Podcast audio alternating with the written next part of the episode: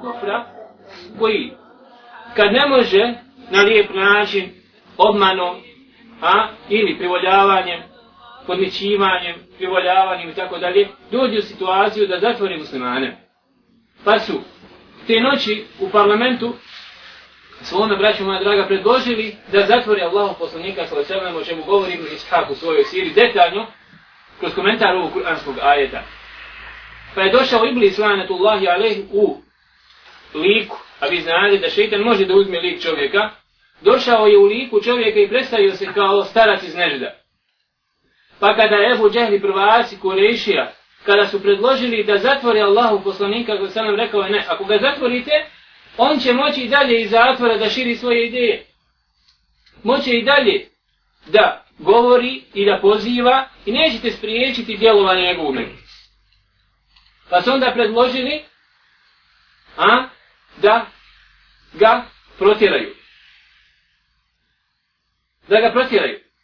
Pa je opet rekao on, usprotivio se, ako ga protjerate, zavolit će ga narod, okupit će oko sebe mjesto i doće sutra, protjerat će vas iz Mekke. I bilo je kako je rekao. Šta je rješenje? Kada se predlože da ga ubiju, e, to je rješenje. I ovdje Allah subhanahu ta'ala govori. Da je svakog plemena, da je svakog plemena, uzmu pomladića koji će na, u takvoj skupini doći kod poslanika sallallahu alejhi ve sellem u njegovoj kući i svi zajedno ga ubiti i onda neće Abdumenat, pleme poslanika sallam, moći da uzme krvarinu. Ubije, nego će morati privatiti novac. Privatit će krvarinu. Tu se pokazamo poslanika sallam gdje Allah subhanahu ta'ala objavio poslaniku sallam preko meleka o svemu tome što se desilo. Izlazio je poslanik sallam iz sellem bili ga opkolili i proučio je ova dostojno dosjeri stepena Hasana i što ga islamski učenjaci uzimaju proučiti da je dozvoljeno učiti prve sure, prvi ajete sure Yasin. Ciljem da te ne vidi ne vidi. A? Je Allah poslanik u sallam proučio prvi nekoliko ajeta sure Yasin do kuranskog ajeta kao še i nahum fa yubsirun i mi smo im koprenu stavili na oši pa oni ne vide. I to je bila moja poslanika sa gdje je prošao pokraj njih nisu ga vidjeli. Jedna od puka, braće moja draga, hiđe, jeste da muslimani moraju uzimati dunjalučke uzroke. I to je potpun tevekul, potpuno oslanjanje na Allah subhanahu wa ta'ala. Poslanik Lusallam je da u detalje isplanirao hijđu. Nije nasumice, braće moja draga, poslanik Lusallam krenuo. Hajmo, a? Poruk, ne. Ne, ne, ne. Velike stvari, krupne stvari se planiraju. I nekada je potrebno dane, i sedmice, i mjesece, čak i godine, braću moja drago, potrijebiti. Isplanirati da bi došli, šta? Do rezultata. Prije na dva mjeseca poslanik sa sveme zadužio Ebu Bekra da kupi dvije jahalice. Čak Ebu Bekr je naslučivao, ali nije znao kada će biti hijđa. I poslanik mu je dao novac da kupi, kad mu Ebu Bekr ponudio svoj novac. Nije prihvatio, nego svoga novca htio poslanik da kupi jalicu, da utroši na Allahu subhanu ta'ala putu i čega se uzima isto tako propis da čovjek treba udjeljivati dijeliti na Allahu subhanu ta'ala putu i poslanik sa selim, pored toga što je bio u tom trenutku u teškoj materijalnoj situaciji, ipak je kupio jalicu i sa svojom jalicom učinio hijđu na Allahom azzeveđel putu. Kažemo organizacija, prije na dva mjeseca kupio jalicu. Druga stvar, braćo moja draga, Pogledajte. Poslanik Husein je isplanirao gdje će izaći iz Mekke. Isplanirao da će izaći u pećinu Seur. U pećinu Seur. Gdje je bila tu taktička var kao strane poslanika. Pećina Seur se nalazi jugo-zapad od Mekke. A Medina gdje planira da ide šta?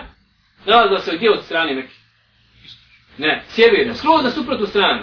Jugo-zapadno izašao poslanik Husein, a želi da ide na u sjeverni dio što upućuje, braće moja draga, također, znači, princip organizacije, princip planskog djelovanja, rada. Također, znao je poslanik za sebe, a? Po mjesec dana, to kasnije, tokom Medine, medinskog perioda, po mjesec dana pričati priču o Vizanticima, a krene prema Kurešijama u Mekke. Čak njegova žena Aisha nije znala gdje poslanik za sebe izlazi. Pazite, sve do trenutka dok ne izađe. Ni tada znao izaći, poslanik se, Ajša ne zna, žena mu ne zna, braćo moja draga, žena mu ne zna, kuća mu ne zna, njegova porodica, gdje ide. To je bio poslanik sallallahu alaihi wa sallam. Izašao je, i što ga se također uzima, princip tajnosti, braću, pazite, princip tajnosti, pouka, hijri, princip tajnosti, da je poslanik sallallahu alaihi wa sallam izašao, izašao u podni, odnosno pred podni, kad je sunce bilo jako. To je bilo, kako navodi imam Buharija, neobičajeno vrijeme posjete poslanika sa sve kod Ebu Bekra. Ili mu je dolazi ujutru, mu je dolazi na večer. Nije dolazi nikada oko podne. Pa islamski učenjaci Siri prič, razgovaraju. Zašto je poslanik u to doba došao? Gotovo dolazi i nakon toga idu. Ha? Došlo je u predaj braću moja draga da je poslanik koji se izašao mu te na Izašao je sa maramom na glavi. Prvo, to vrijeme je bilo, to vrijeme je bilo jako. To znači vruć, veoma vruć. Jer se radilo mjesec u septembru. A august, septembar je najjači, najvreliji. U to doba, u podne, oko podne, ljudi su po kućama spavaju ili su a, u vladu sklonili se sa sunca. I ne bi mogao lako u neku primijetiti poslanika za sebe. Iako ga primijetio, ne bi obraćao pažnju jer je običajno ako bi neko bio primoran u to oba dana da izaći, šta? Zbog vrućine da stavi maramiju na lice kao što je to bio običaj kod Arapa. To je poslanik Hoselem ovdje pokazao kako treba biti kod muslimana princip tajnosti. I bilo koju stvar, vraću moja draga, što trojice ne treba da znaju, ne treba da znaju. I svoje kuće nemoj iznositi stvari. Što treba ti tvoja žena da znaju dovoljno, nemoj komšija da zna. Ako treba dvojica muslimana da znaju, nemoj govoriti trećim, zato što je musliman možda povjerljivi, ali nema potrebe. Ako ne treba nešto da zna, nemoj da, da zna. Pazite, u islamu, dogovaranje, ra, razgovori i tako dalje, moraju da budu. Kad dogovaraš ženu, da se oženiš, a? Ženu uvijek ćeš u se dogovarati. Zaruke, razgovori, pregovori, a? Budu u tajnosti, ne razglašavaš, ni materi nekad nije da kaže, ni babi. Ali kad se ženiš, tada se razglašava. Tako je poslanik sallallahu sve organizovao pripremio kad je bilo kukla je vijest. Pazi. U pitanju dunjaličkih uzroka. U pitanju dunjaličkih uzroka. Pogledajte kako je poslanik sallallahu sve to isplanirao. Znao je da će se dići hajka za njim. Potjera. Prije toga iznanimio je vodiča. Abdullaha ibn Ureje Ima učenjak siri koji kaže da se zove Abdullah ibn Ureje ili Abdullah ibn Urkud. Nije bitno. Znači, iznajmio je poslanik koji se nam mušrika. Da se mušnika kažem. Čovjek koji nije bio privati u islam još, ali je bio sposoban. Bio je, kako došla pretaja, mahiran harripa. Poznavao je topografiju, poznavao je put od neke do Medine. I što ga islamski učenjaci uzimaju propis, naravno, pod određenim uslovima, pod određenim uvjetima, da je dozvoljeno pod pomoći sa mušrikom, sa nevjernikom u određenoj situaciji. Jer poslanik Glasil nam je iznajmio čovjeka mušrika koji je znao put. Pripremio vodiča sebi znači. Isplanirao je da će ostati tri dana u pećini. Dok se a, ne smiri situacija. Nije ti odmah da ide, jer je znao da će biti potjera.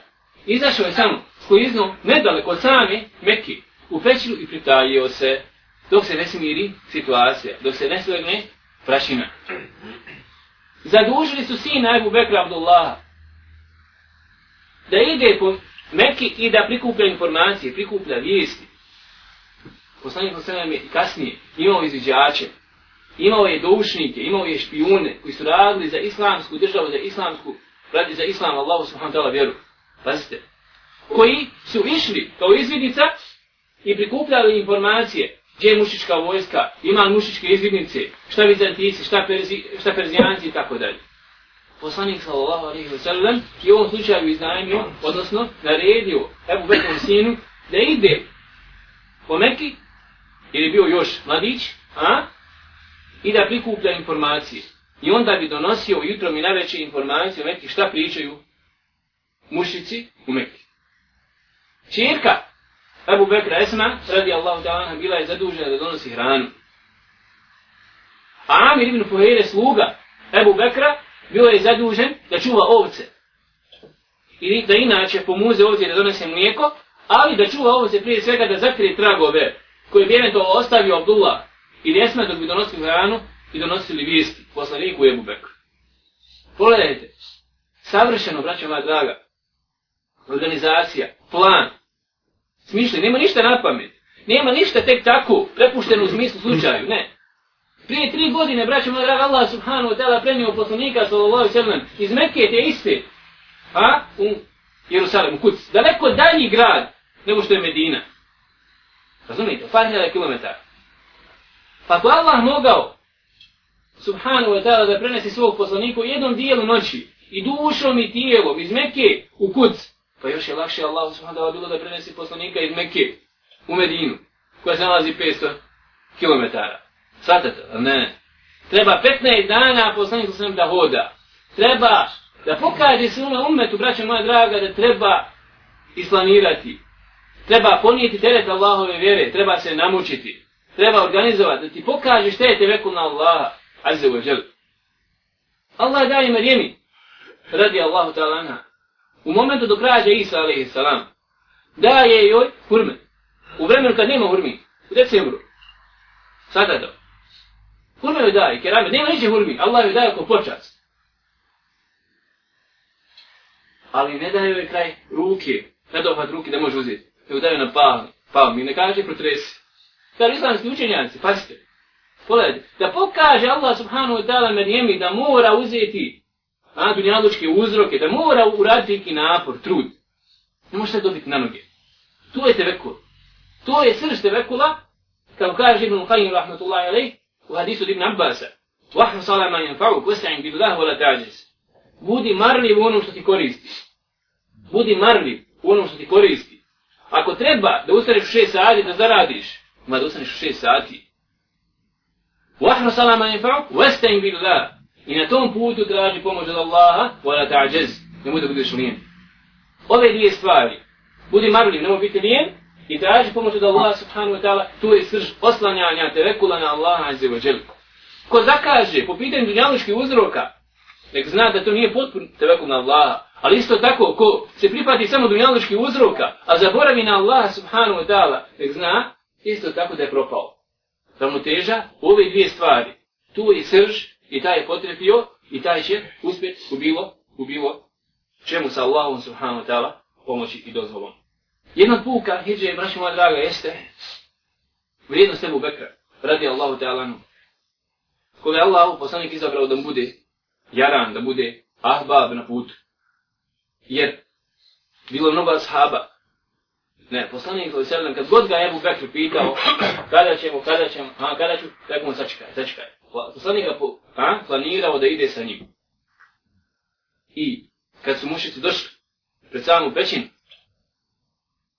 Ebu Bek se pobojao za sebe, a? Nije, braćima drago. Pobojao se poslanika, svali sebe. Kada Allaho poslanić, e, ako bi pogledali svoje noge, vidjeli bi naše noge. Pa mu je? Allahu poslanik, svali sebe, rekao, ma balu bitnini Allahu tarifuhuna. Šta misli šti od dvojici, gdje Allah sa njima treći. Šta misliš? Ništa, ne mogu sa Allahom subhanahu ta'ala dozvolom. Ebu Bekr na putu, braću moja draga, dok je hodao, kasni, išao je ispred, pa jedno vrijeme išao iza. Pa go pitao poslanik zašto to? Kaj je pa Allah poslanič, kad pomislim da su iza nas, ja ostanem iza da, da bi na mene prvi, prvo naletili. A kad pomislim da ti na mogu doći prijeda, ja idem naprijed opet ne bi na mene naletili. To je, braću moja draga, ljubav, ashaba, Ali na prvom mjestu naravno Ebu Bekra radi Allahu ta'ala prema Allahom poslaniku sallallahu alaihi wa sallam. Jedna od mođiza koja se desila Allahom poslaniku sallallahu alaihi wa sallam na hijri, odnosno tokom hijre, jeste i paukova mreža koju je pauk istuao na ulazu i to je jedina vjerodostojna predaja koja govori po pitanju mođiza koja se desila u pećini Tebog to je jedina, znači, vjerodostojna predaja koja je dosirni stepen Hasena, da je pauk po naredbi Allah subhanahu wa ta'ala sapleo mrežu, pa to su mušici vidjeli mrežu, onda nisu ni htjeli da ulaze u pećinu, u pećinu na takav jedan način jer su znali po njemu mišljenju da niko nije ulazio. Sve ostale predaje koji govore o gulubici, koji govore o tome da je Ebu Bekr se prepao za poslanika, pa je rekao Allahu poslanče uđu, šta ćemo, pa je poslanik sam rekao, ako bi oni šli, ušli odavdje, mi bi izašli odavdje, pa se Ebu Bekr okrenuo prema zidu pećini i vidio je more i vidio je lađu. Sve te predaje koje se možda nađu u Siri, poslanika sallam, nisu, nisu vjerodostojne, kažemo, osim paukove, paukove mreže.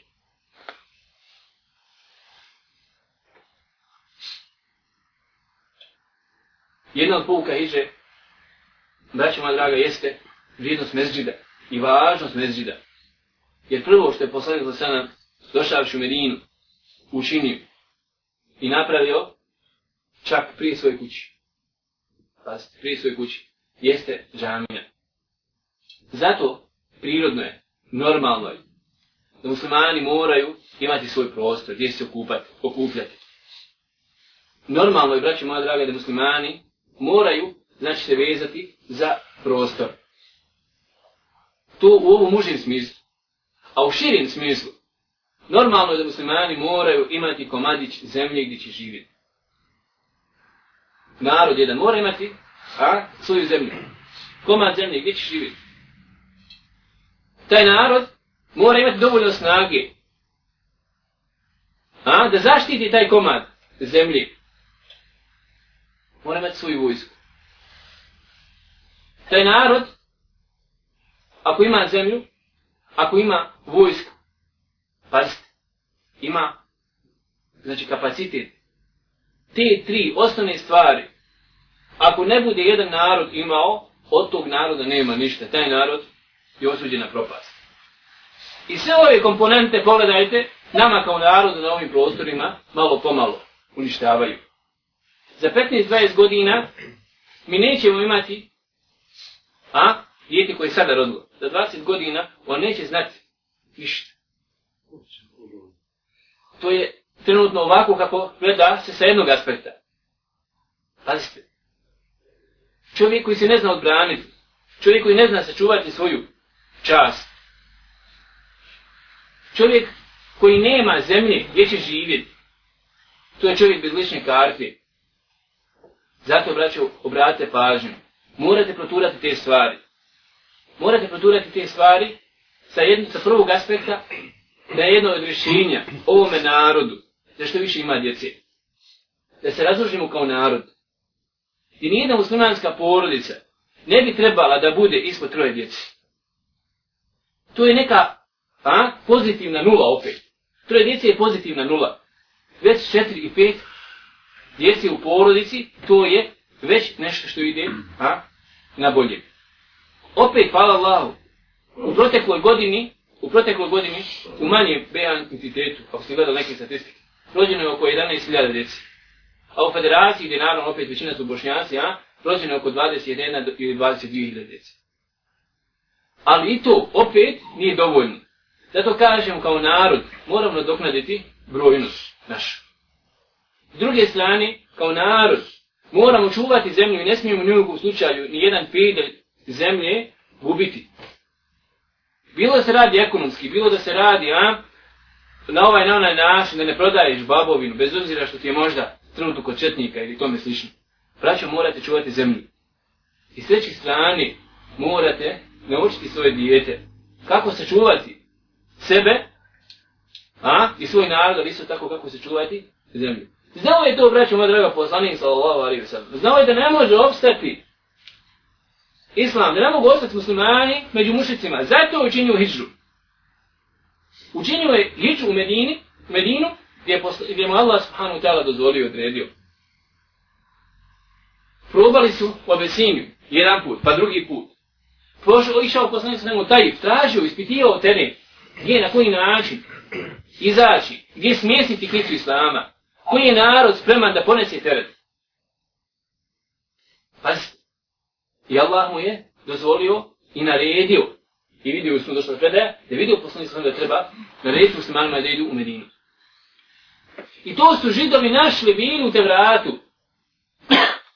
Jer kada je Nabukodonosor, babilonski kralj, rasturio u kucu. I vi u Bibliji imate jedno poglavlje koje se zove sužanjstvo. Posvećeno baš tome što je Babilonski kralj, Nabukodonosor, a, protjerao, rastirao, pobio, jedan dio pobio, drugi dio uzeo sa sobom, a treći dio raselio.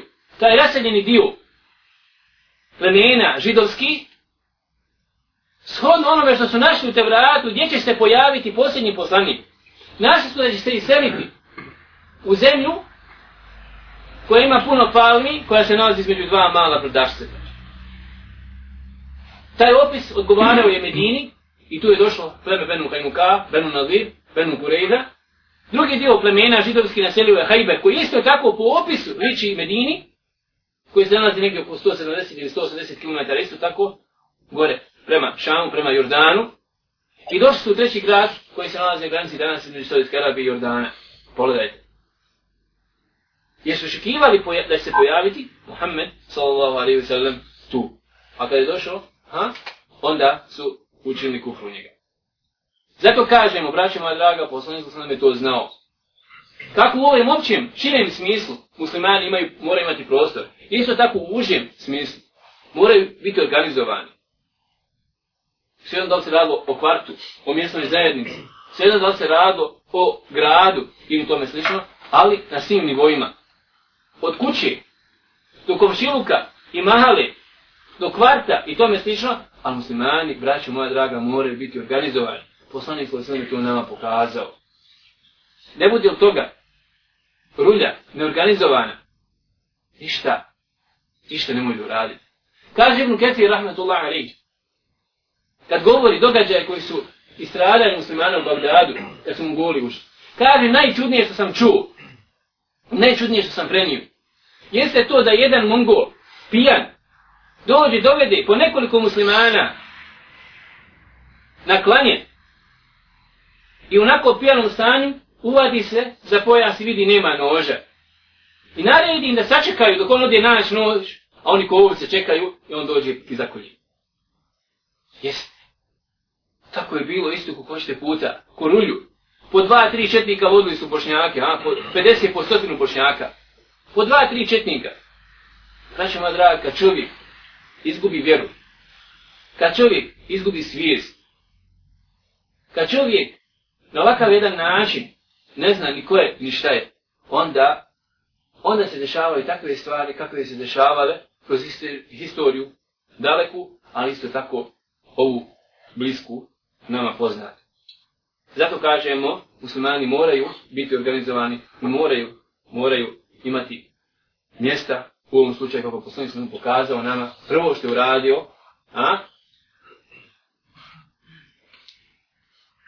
uspostavio je džamiju i tada, i tada je otpočela džuma. Prije toga je naredio poslanik da klanje džumi, bilo je, a? klanjanje džuma, ali poslanik sam čim je došao prvu džumu, odmah je klanio gdje? nedaleko od Kuba i danas zna, ima jedan mezđid, zove se mezđid džuma, znači džamija džume, gdje je prvi put poslanik sa sam klanjao džumu je postavio muslimanima bolan, Braćo moja draga, pogledajte, svaki dan pet puta se sastaju, ali isto tako sedmišno, gdje ti namaz biva u pitanju ako progovoriš, ima da slušaš hođu, ima da slušaš imama šta govori sa mimbere. Pogledajte organizacije, rulja, rulja, Zaštrkan ništa ne znači.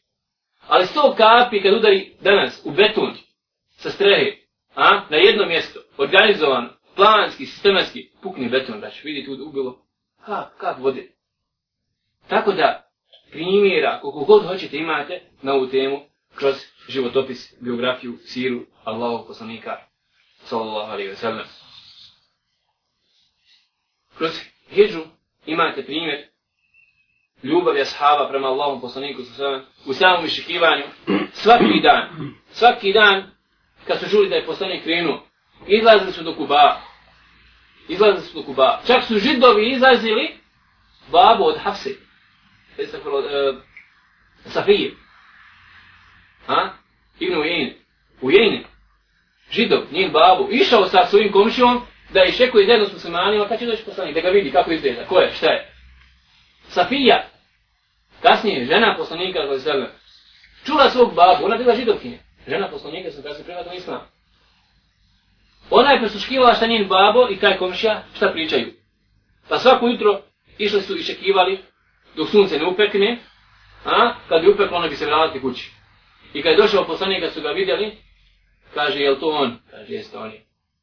Prepoznali židovi da je on poslanik, kad su ga vidjeli po opisu koji su nalazili u te vratu. Kaže, šta ćemo? Kaže, neprijateljstvo dok smo živi. Mržnja, nacionalizam, ne može podnijeti da bude od, od Arapa, a da ne bude od židovskog, židovskog plemena.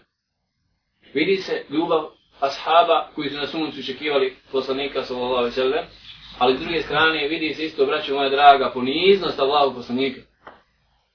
Jer kad je poslanik došao, bio je u pratnji Ebu Bekra, u pratnji Amir ibn Fuhire. Znači, poslanik, Ebu Bekr, Abdullah ibn Urku, da je vođa, mušik, i Amir ibn Fuhaira. Još im se pridružio e, uh, Burejd ibn Saib, radijallahu ta'ala, koji je prihvatio islam. I svi 80 kuća, jer on bio poglavica, poglava plemena, pa kad su prilazili Kubau, svi su pohrnuli oko Ebu Bekra, jer su mislili da je šta? Ebu Bekr poslanik. Ni po čemu poslanik se nije isticao. Nije, da, nije dozvoljavao da mu neko daje prednost. Nije se uzdizao, nije se pokazivao.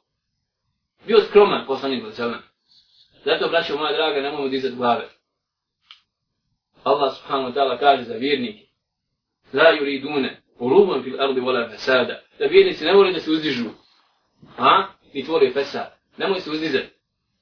Jer kako kaže jedan pjesnik, kad udari, udari vjetrovi jaki. A? Onda, koja voćka pada? Prva. Koja je najisterenija. I ko se uz, ističe, ko se uzdiži, pogotovo ako nema osnova, ko se puši, u ovoj davi, kada pukne po glavi, a, njega će prvo pući. Oni koji su šuti, koji su bili mirni, koji znali, odmjereni bili, njih, a oni mogu nešto uraditi. Uzdizanje, trčanje pred rudu, što naš narod kaže, izitjen potezi, a, kad vjetrovi na, nasrnu, prvo strada voćka koja je najisturenija. Zato je Allah poslanik za bio ponizan. Nije bio kukavica u borbi. Ne. Ali govorimo u vođenju, u društvu. Znao bi u društvu ashaba duš beduin, braćo moja draga. Pita kod vas, Muhammed. Nije ga ni po čemu mogao razlikovati, ni po čemu poslanik za sve ne istice od ostalih. Ni po odjeći, ni po mjestu nekom počestu. Ni po čemu, braćo. Zato je bio Allahu poslanik, sallallahu alaihi wa sallam. Ostao je mjesec dana u kući Ebu Eju Balansarije i njegove žene, gdje su ga izmetili, a u prvo vrijeme su ga bili smjestili u prizemlje, da bi sišli kasnije i rekli ne možemo da hodamo iznad glavi, ne možemo da budemo gore, a dok je glava poslanika ispod nas, pa su zamijenili. Jedne prilike donijeli, donijeli Ebu Eju hranu poslanika sa selem i on vratio, bilo s bijelom, bijelim lukom hrana. Pa kaže što je haram, kaže ne, samo ne voli, ne sviđa mi se zbog neprijatnog mirisa. Kaže bo ju, nije od danas ne volim bijeli luk, a puno ga je volio. Primjera, braćo moja draga, imate puno koji pokazuju na ljubav prava poslaniku, sallallahu alaihi wa sallam. Ne želimo više da vas opterećujemo, ali to su te neke osnovne pouke i poruke. Možda još samo da kažemo, veoma možda biti bit poruku vezano za hijđu i propis hijđe, gdje hijđa i seljenje iz jednog mjesta biva obaveza, fardom, onog trenutka kad čovjek ne može da ispunjava osnovne vjerske propise. Kad dođeš u situaciju da ne može da klanjaš, kad dođeš u situaciju da ne može da postiš, kad dođeš u situaciju da tvoja žena ne može da nosi hijab, tada ti biva, brate moj, vađi, obaveza. A? Da izađeš odatle i da ideš na mjesto gdje možeš to raditi. Za osnovne, znači, šrijetski propis. Zato kaže Allah subhanahu wa ta'ala po pitanju onih koji će se na samrtnoj posljednji pravdati da nisu mogli obožavati Allah, meleki će ih kažnjavati. Potom Allah subhanahu govori وَلَوْ تَرَى إِذْ يَتَوَفَى الَّذِينَ كَفَرُوا الْمَلَائِكَ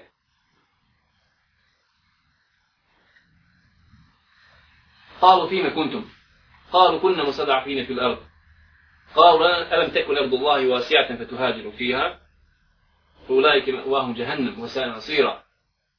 إلا المستضعفين من الرجال والنساء والولدان لا يستطيعون حيلة ولا يهتدون سبيلا. قال الله سبحانه وتعالى da ti je vidjeti kad meleki budu usmrćivali a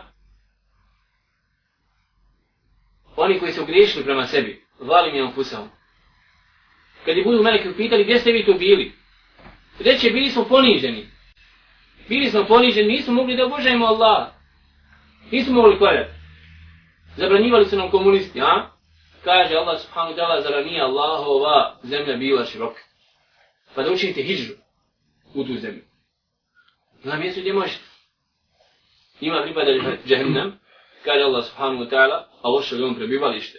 Osim oni koji su poniženi, ali ne mogu da urade hijđu.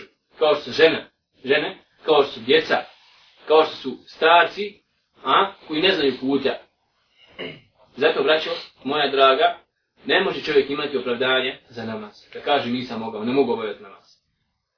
Ne može žena da kaže ja nisam ili ne mogu da nosim hijab. Zadate li. Zato su islamski učenjaci bili žestoki. Po pitanju naseljavanja i seljavanja u zemlje gdje sutra će je zaočekivati da će tvoje dijete se odmetu od Allahu subhanahu wa ta'ala vjeruje.